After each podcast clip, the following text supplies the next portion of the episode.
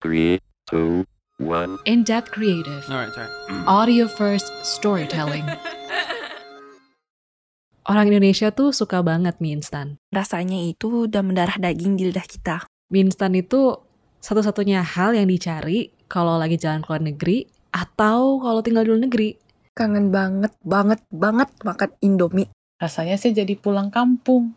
Mau kamu orang Sumatera, orang Maluku, Jawa, atau Papua, mie instan tuh ya ya sarapan, ya makan siang, makan malam. itu udah kayak makanan pokok buat gua men Tapi kamu tahu nggak sih, kalau mie instan itu terbuat dari gandum, yang sebenarnya tuh nggak bisa tumbuh di Indonesia. Jadi, gimana sih ceritanya sampai orang Indonesia tuh bisa kenal dengan mie instan? Ternyata cerita ini tuh membuktikan banget kalau budaya kuliner suatu bangsa atau negara itu bisa tercipta secara benar-benar nggak sengaja. Saya Tanita, dan selamat datang di Panggung Pikiran. Sebelum kita lanjutkan ceritanya, kami mau beritahu kalau podcast ini diproduksi oleh In-Depth Creative, perusahaan produksi podcast independen di Indonesia yang membuat cerita audio dan esai dalam bahasa Inggris dan Indonesia. Kami bekerja sama dengan brand dan creator yang ingin engage dengan penontonnya melalui audio first storytelling.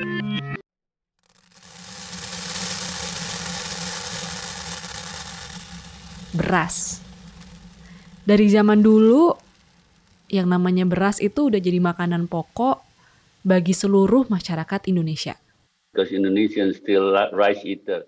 Orang Indonesia itu pemakan nasi. Kalau belum makan nasi, berarti belum makan. They don't eat rice, they don't eat. Nah, barusan tadi adalah ahli kuliner Indonesia, Om William Wongso. Kalian mungkin dengar tentang beliau waktu masak rendang sapi bersama chef Gordon Ramsay. Remember, never do rendang in the quick way. In the quick, no, I'm not rushing this rendang. Although rain is stopping play here. Pada tahun 1960-an dan 70-an, Om Wongso menetap di beberapa kota di Jawa Timur. Dan sehari-hari makanan beliau itu My regular breakfast practically either soto, sate, Sarapan saya biasanya soto, sate, atau kadang-kadang saya nyebrang jalan ke ibu-ibu yang menjual nasi dan semur ikan bandeng dan sambal. Saya cukup beruntung bisa tumbuh mengenal cita rasa asli yang tidak bisa dirasakan oleh kaum milenial sekarang.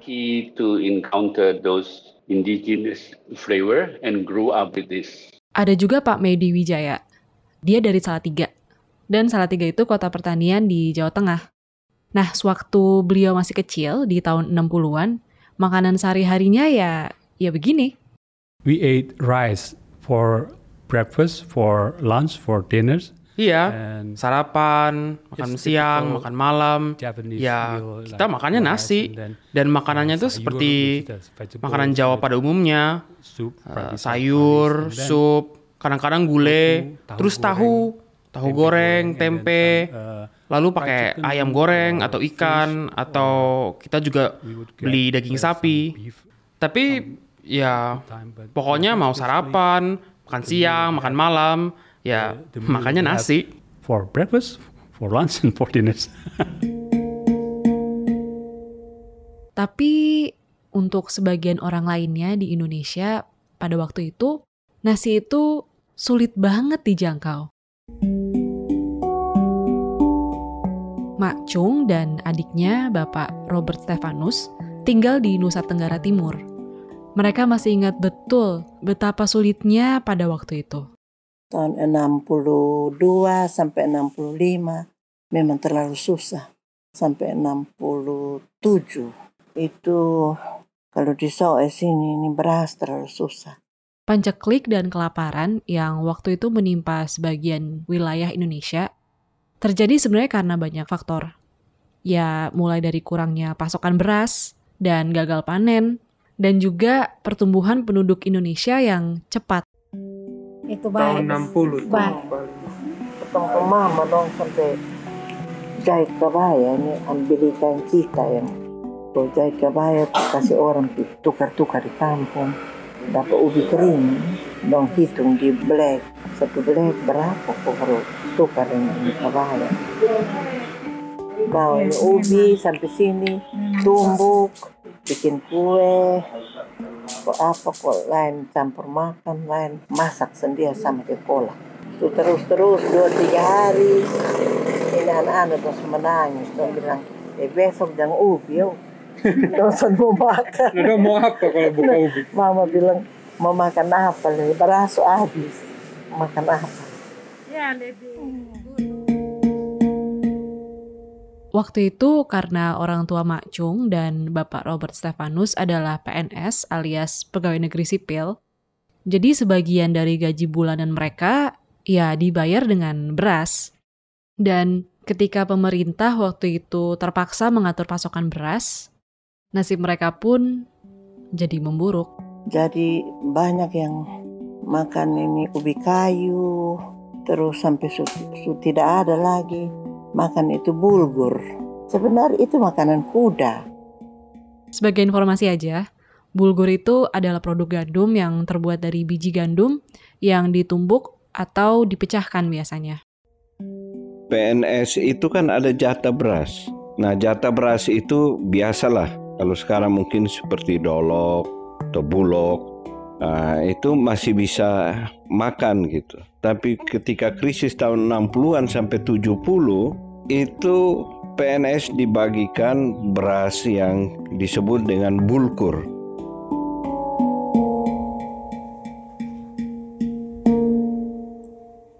Sebenarnya studi mengenai luasnya persebaran kelaparan dan pancaklik pada waktu itu tidak terlalu jelas. Tapi yang kita tahu pasti adalah kelaparan dan pancaklik pada waktu itu berdampak banget pada Indonesia. Meskipun demikian, Presiden Soekarno terus-menerus menolak tawaran bantuan makanan yang ditawarin dari negara kapitalis barat, kecuali ya mungkin sekali atau dua kali aja sewaktu itu. Bahkan pada pidato kemerdekaan beliau pada tahun 1964, demi mengurangi konsumsi beras, Presiden Soekarno waktu itu menyarankan kepada masyarakat Indonesia supaya mereka mengganti pola makannya dengan cara mencampur beras dengan jagung atau singkong. Dan ujung-ujungnya beliau juga bilang, pidato beliau ini judulnya Tahun Viver Pericoloso, yang artinya tahun kehidupan berbahaya. Ini saking terkenalnya, sampai-sampai menginspirasi film The Year of Living Dangerously yang dibintangi oleh Mel Gibson pada tahun 1982. Why don't you tell them true story, gentlemen? Why don't you tell them that Sukarno makes empty speeches and builds monuments to his vanity while his people are starving to death? Why don't you tell them that he says, eat rats? Sebenarnya, selama ketegangan Perang Dingin di tahun 1960-an, bantuan pangan itu merupakan salah satu alat terbesar yang dipakai oleh blok komunis ataupun kapitalis untuk menarik dukungan negara-negara lain. Misalnya Amerika Serikat. Waktu itu mereka memiliki Undang-Undang Pengembangan Perdagangan dan Bantuan Pertanian atau PL 480 yang kini juga disebut sebagai Food for Peace Program. Tapi bantuan ini dikecam oleh Soekarno yang waktu itu menganut nilai-nilai kiri dan sosialis. Tapi akhirnya pada tahun 1966 sikap Indonesia terhadap bantuan dari barat berubah total.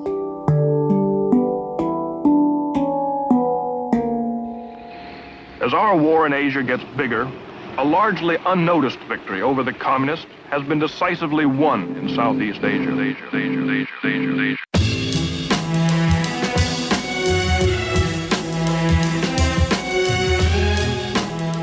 Today it is General Suharto and his army that crushed the communist coup. It is Suharto that leads the effort to remove President Sukarno. Pada tanggal 12 Maret 1966, Jenderal Soeharto mengambil alih pemerintahan. Waktu itu Indonesia sedang di tengah-tengah instabilitas politik yang kacau, kemiskinan ada di mana-mana, hiperinflasi, dan juga awal dari pembantaian komunis.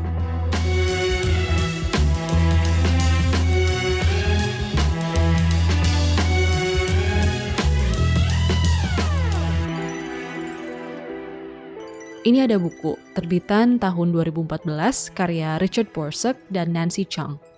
Judulnya Lim Su Leong dan Salim Group, Pilar Bisnis Soeharto. Menurut Richard Borsuk dan Nancy Chung, beberapa bulan setelah pergantian kekuasaan, Wakil Presiden Amerika Serikat pada waktu itu, Hubert Humphrey, bertemu dengan Menteri Luar Negeri Indonesia, yaitu Pak Adam Malik. Setelah pertemuan tersebut, Humphrey menulis surat kepada Presiden Lyndon Johnson, presidennya Amerika Serikat pada waktu itu, bahwa Pak Menteri Adam Malik He and General Suharto understand that Indonesia's large population and uh, Jadi dia dan Jenderal Soeharto memahami bahwa dengan populasi dan potensi kekayaan yang besar, Indonesia dapat mengambil peran yang penting bagi masa depan Asia dan PBB. Mereka ingin mencapai hal ini sebagai sahabat Amerika. as a friend of uh, Waktu itu, Soeharto meminta dan memerlukan banget bantuan pangan dalam jumlah besar. Dan Amerika Serikat mengambil kesempatan itu untuk menyokong kekuasaan pemerintah yang anti komunis. now for the moment, however, they are severely handicapped. Tapi untuk saat ini mereka masih terhalang keadaan ekonomi yang gawat. Keseimbangan politik pemerintahan Indonesia bergantung kepada kemampuan mereka menyediakan makanan dan pakaian bagi rakyat mereka. they're being able to provide food and clothing for the people. That's something that they don't have. Pada dasarnya Indonesia dan Amerika Serikat saling membutuhkan satu sama lain. Waktu itu pada tahun 1967, ada penasehat keamanan nasional Amerika Serikat yang namanya Walter Rostow. Dia memberi kabar ke Presiden Johnson kalau kira-kira begini. Bila Soeharto harus terus berkuasa, dia memerlukan 325 juta dolar Amerika Serikat. Dan tidak lama kemudian, Presiden Johnson pun menjawab begini. Now, Walt, I want to do everything I can for Indonesia. Saya ingin melakukan semua yang saya bisa untuk Indonesia secepat mungkin. Coba beri saya program. Saya akan I lihat. need you to send me that program, and I'll take a look and see what. Meskipun Soeharto dan pemerintahan Amerika Serikat setuju untuk melakukan program bantuan pangan, tapi Presiden Soeharto masih belum bisa juga mendapatkan bahan pokok yang selama ini dicari-cari. Ya, beras.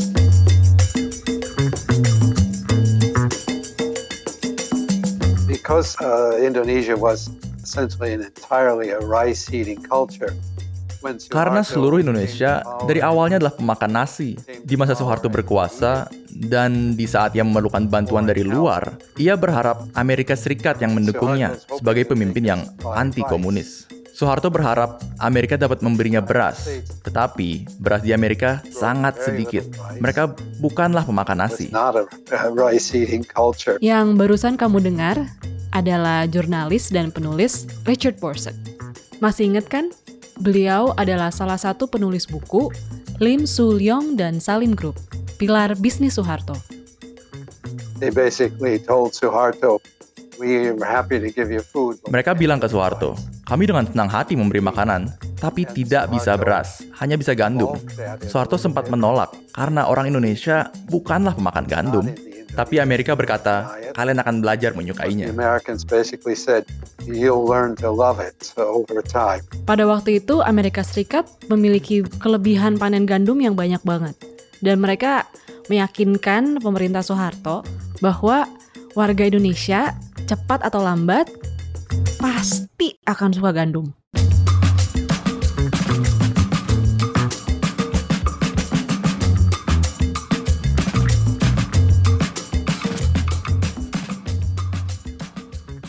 Jadi, akhirnya pada tahun 1968, itu yang namanya gandum, tepung terigu, dan bulgur mulai membanjiri Indonesia. The United States, as you mentioned, gave food aid to Indonesia. So did Australia. Ada waktu di mana Amerika Serikat dan Australia memberikan bantuan pangan kepada Indonesia. Bantuan pangan tersebut sangat penting di awal masa kekuasaan Soeharto, di akhir tahun 60-an. Keadaan ekonomi Indonesia sangat buruk di waktu itu. Banyak orang yang hanya makan nasi, dan ada beberapa tahun di mana sedikit adanya panen padi yang memaksa Indonesia harus mengimpor beras dengan sangat terbatas. Jadi Soeharto sangat gigih untuk mengembangkan sumber makanan yang lain, yaitu dengan adanya penggilingan tepung. So Suharto was keen that another source of food be developed, which was the uh, the flour milling. Presiden Soeharto waktu itu berharap kalau seiring berjalannya waktu, Indonesia tidak akan terlalu bergantung pada beras. Tapi ya, bulgur ternyata tidak terlalu cocok dengan selera banyak orang Indonesia. Makanya, kalian jarang kan dengar bulgur?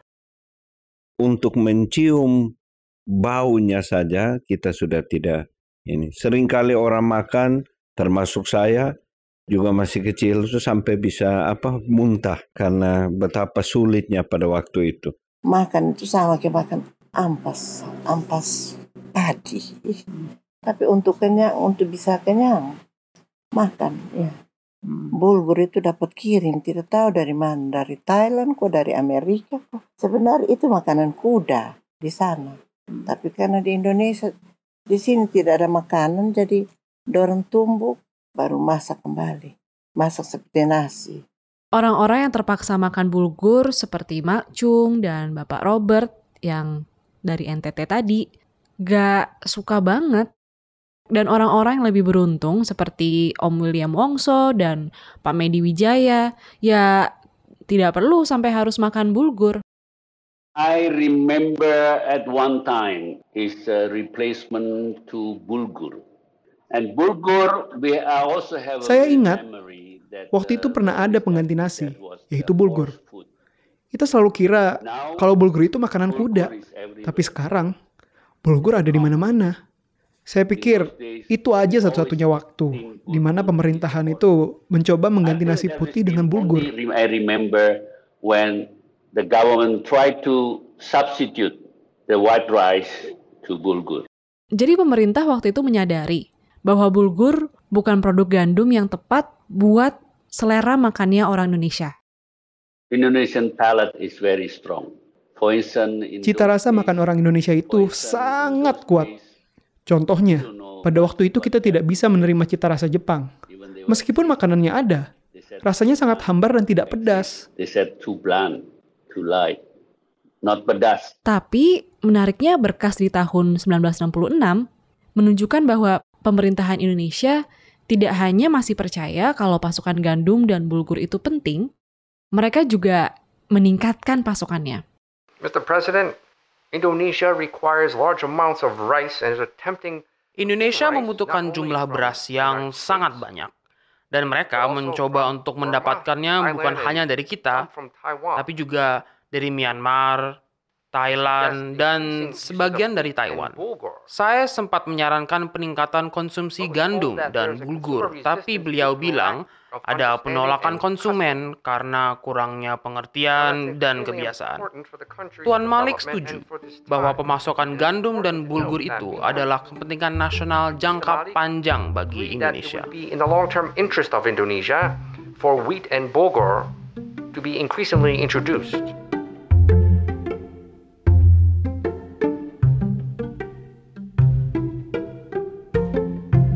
Ketika warga NTT seperti Mak Chung dan Bapak Robert tadi harus makan bulgur, tepung terigu tengah gencar dipromosikan di kawasan perkotaan di Pulau Jawa, khususnya nih di Jakarta. Tepung terigu waktu itu diolah menjadi ya, roti.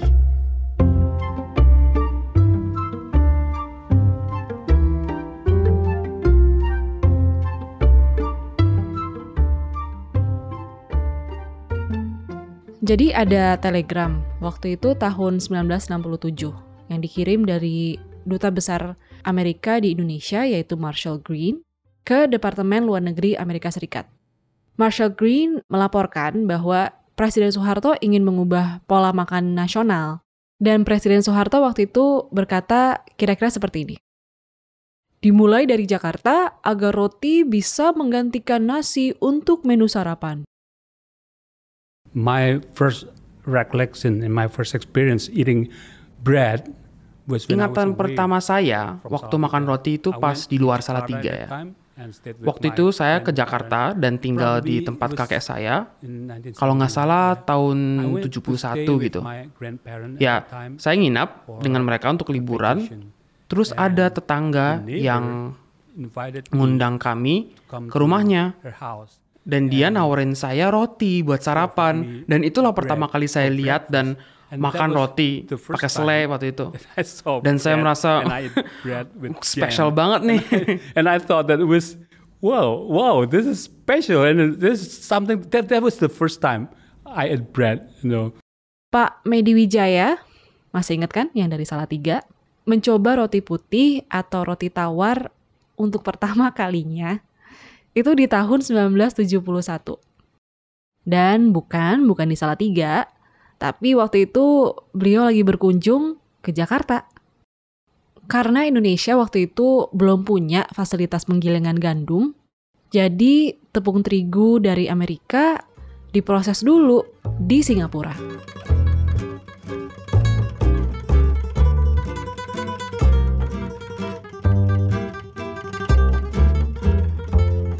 Gara-gara kami pengen tahu sampai tuntas, akhirnya kami berdiskusi dengan Pak Heru Laksana. Nah, beliau ini adalah pemilik salah satu toko roti yang paling tua di Jakarta, Maison Wiener. Nama saya Heru Laksana. Saya generasi ketiga dalam bakery Maison Wiener yang berlokasi di Jakarta. Pendidikan saya adalah saya baker dengan predikat Konditormeister. Kamu bisa menemukan toko Pak Heru dengan mudah. Kalau kamu ke daerah Keramat di Jakarta Pusat, pasti kamu akan menemukan rumah tua yang punya semacam kanopi garis-garis merah dan kelihatannya tua banget. Karena memang tokonya sudah ada sejak tahun 1936. Zaman dulu itu orang memang lebih banyak mengenal kue kalau orang-orang di eh, orang Indonesia hanya orang-orang Belanda yang makan roti itu memang mungkin eh, makanan utamanya zaman dulu ya. Jadi kalau lebaran, tahun baru, tahun baru Imlek, orang membeli untuk dikirim ke orang lain gitu. Saya ceritakan dulu ini karena seingat saya roti itu cuma dikenal roti tawar. Jadi belum ada roti-roti manis seperti sekarang sampai tahun 70. Pak Heru Laksana lahir pada tahun 1954. Dan waktu itu beliau masih punya ingatan tentang masa-masa di mana oma dan ayahnya mengatur toko Maison Wiener dari tahun 1960 dan seterusnya. Jadi roti sebelum tahun 70 itu kebanyakan roti tawar aja yang orang kenal. Seperti kita lihat kalau Tan Ek Chuan juga atau Lau itu sampai sekarang mengutamakan roti tawar ya, roti tawar yang open top yang atasnya melembung atau roti tawar yang yang kotak sandwich bread yang zaman sekarang kita bilang. Saya juga kenal roti tawar dari kecil. Jadi kalau ke sekolah paling-paling roti tawar dioles mentega dikasih meshes atau roti tawar oles mentega kasih gula. Itu yang kita makan. Pak Heru sebenarnya tidak menganggap roti itu sebagai makanan yang mahal. Tapi pada waktu itu, roti juga bukan makanan yang murah bagi banyak orang. Indonesia does never have never grew wheat, right? We always know that. Indonesia memang tidak pernah ya uh, nanam gandum untuk roti. Kita dulu taunya itu diimpor entah dari negara mana lah. Jadi kesannya karena itu barang impor, harganya jauh lebih mahal daripada beras dan kita nganggap wah roti itu makanan orang kaya jadinya. Uh, that's why we consider that eating bread is only for rich people. Ada studi dari the US Economic Research Service mengenai konsumsi gandum di Indonesia pada tahun 1981. Studi ini dibuat oleh Stephen Magera yang menunjukkan bahwa pada waktu itu, iya betul konsumsi gandum memang meningkat selama tahun 1970-an. Tapi sebenarnya masih hanya bisa dijangkau oleh sebagian segmen masyarakat, terutama yang di kota dan kelas menengah ke atas. Sekali lagi, Richard Borsuk, And at that time, you didn't have many uh, wealthy. These were rough times. Jadi pada waktu itu, Indonesia tidak banyak orang kaya. Zaman itu adalah masa yang sangat susah. Di waktu pembukaan penggilingan tepung Bogasari, yang masih merupakan wilayah yang penting di Jakarta Utara, beberapa pidatonya merujuk pada gini, Indonesia terbuka untuk investasi asing. Tidak seperti pada masa Soekarno. Kita yakin bahwa banyak investor asing yang akan datang. Dan mereka semua gemar memakan kue. Jadi, penggilingan ini yang akan menyediakan bahan mentahnya. And baking.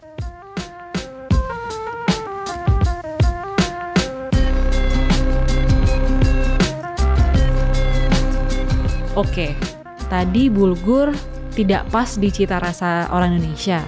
Roti terlalu mahal atau tidak banyak yang bisa makan. Tapi ada satu produk gandum lagi yang sepertinya berpotensi untuk disukai semua orang Indonesia. Dulu-dulu yang keluar pertama tuh hanya Supermi. Merek yang Papa ingat itu Supermi. Pada tahun 1968, akhirnya Indonesia punya pabrik mie instan pertama, yaitu 51 Sankyu. Dan merek mie-nya itu Supermi.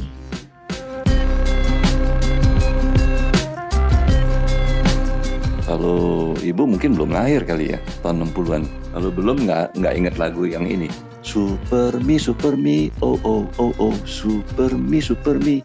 Itu ada di televisi.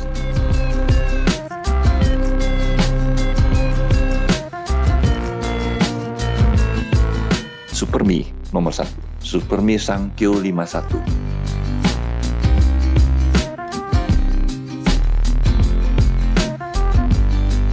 51 Sankyu mendapat bantuan dari perusahaan Jepang. Waktu itu mungkin pernah dengar ya, kalau Jepang sendiri adalah penguasa pasar produk mie instan di dunia semenjak Momofuku Ando menciptakannya pada tahun 1958. In 1973 Waktu itu tahun 73 atau 74, saya masih SD deh. Saya masih kelas 3 atau 4 waktu itu. Saya ingat pertama kali makan super mie dan rasanya enak banget. Itu udah pertama kali saya tahu tentang super mie dan iya, memang saya suka. Dan ya, bagi kami itu adalah sesuatu yang spesial, makanan istimewa. Karena ya kami tidak bisa makan sering-sering. Jadi, waktu kita makan, itu bener-bener kita nikmatin. uh, eat and we, we had it, so we enjoyed it. Yeah. Supermi pun akhirnya sampai ke Mak Chung dan juga Bapak Robert di Nusa Tenggara Timur. Wih, mie instan itu sudah tahun 70 lebih. Dulu-dulu yang keluar pertama itu hanya Supermi. Yang lain belum ada. Oh, dulu-dulu tuh orang juga tidak tahu periksa ini suka ada luas apa belum ya toh. Tapi ya, bukan berarti Supermi gampang diperoleh waktu itu di NTT. Bapak Robert Stefanus pun ingat betul masa-masa itu.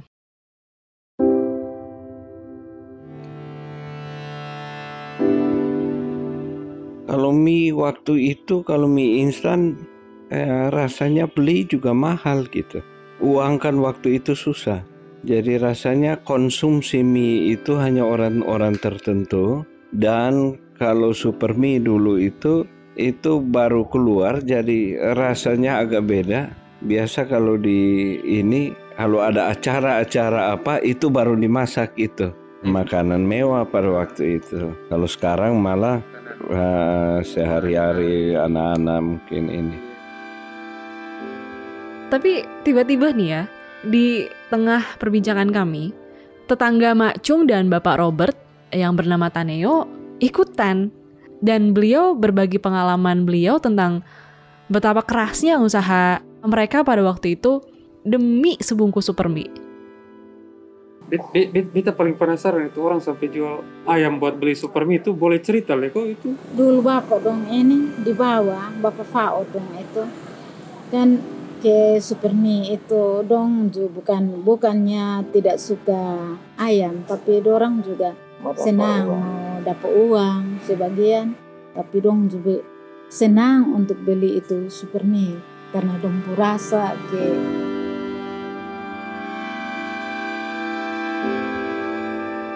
tapi ya mau bagaimanapun juga apa pun yang terjadi waktu itu mie instan memberi tanda-tanda keberhasilan. Karena orang-orang di luar Jawa juga suka dengan mie instan. Menggugah selera dan dibuatnya juga mudah. Jadi Amerika Serikat pun setuju untuk meningkatkan bantuan pangan dengan mengirim lebih banyak bulgur, lebih banyak gandum, dan lebih banyak tepung terigu ke Indonesia. Mereka yakin betul bahwa warga Indonesia sudah bisa mulai menerima gandum dalam pola makan mereka sehari-hari. We no longer have a problem in pushing wheat. Kita sudah tidak punya masalah lagi mempromosikan gandum. Semua orang Indonesia sudah menerimanya. Tantangannya sekarang adalah jangan sampai kita mendorong lalu banyak gandum sampai mereka tidak mau makan lagi. Our problem is to make sure we don't choke this promising infant to death.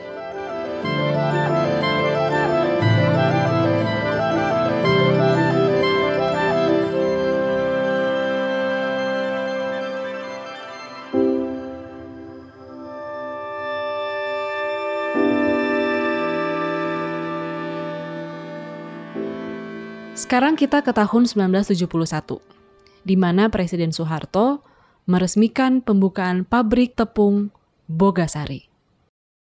Nah, pabrik inilah yang selamanya akan mengubah drastis cara konsumsi mie instan di Indonesia.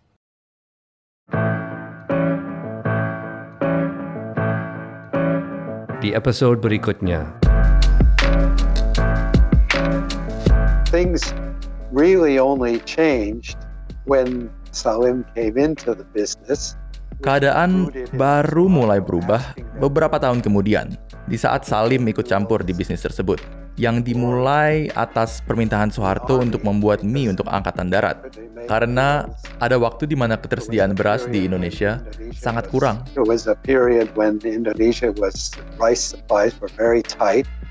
Lahirnya Indomie, deals di belakang pintu, dan kompetisi yang membuat Indomie menjadi brand mie instan terkuat di Indonesia.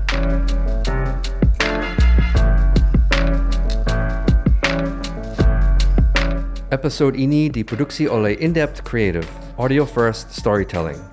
Memproduksi episode ini memerlukan riset yang luar biasa banyak dan berbagai wawancara dengan masyarakat di seluruh Indonesia serta ahli-ahli dari Singapura dan Amerika Serikat.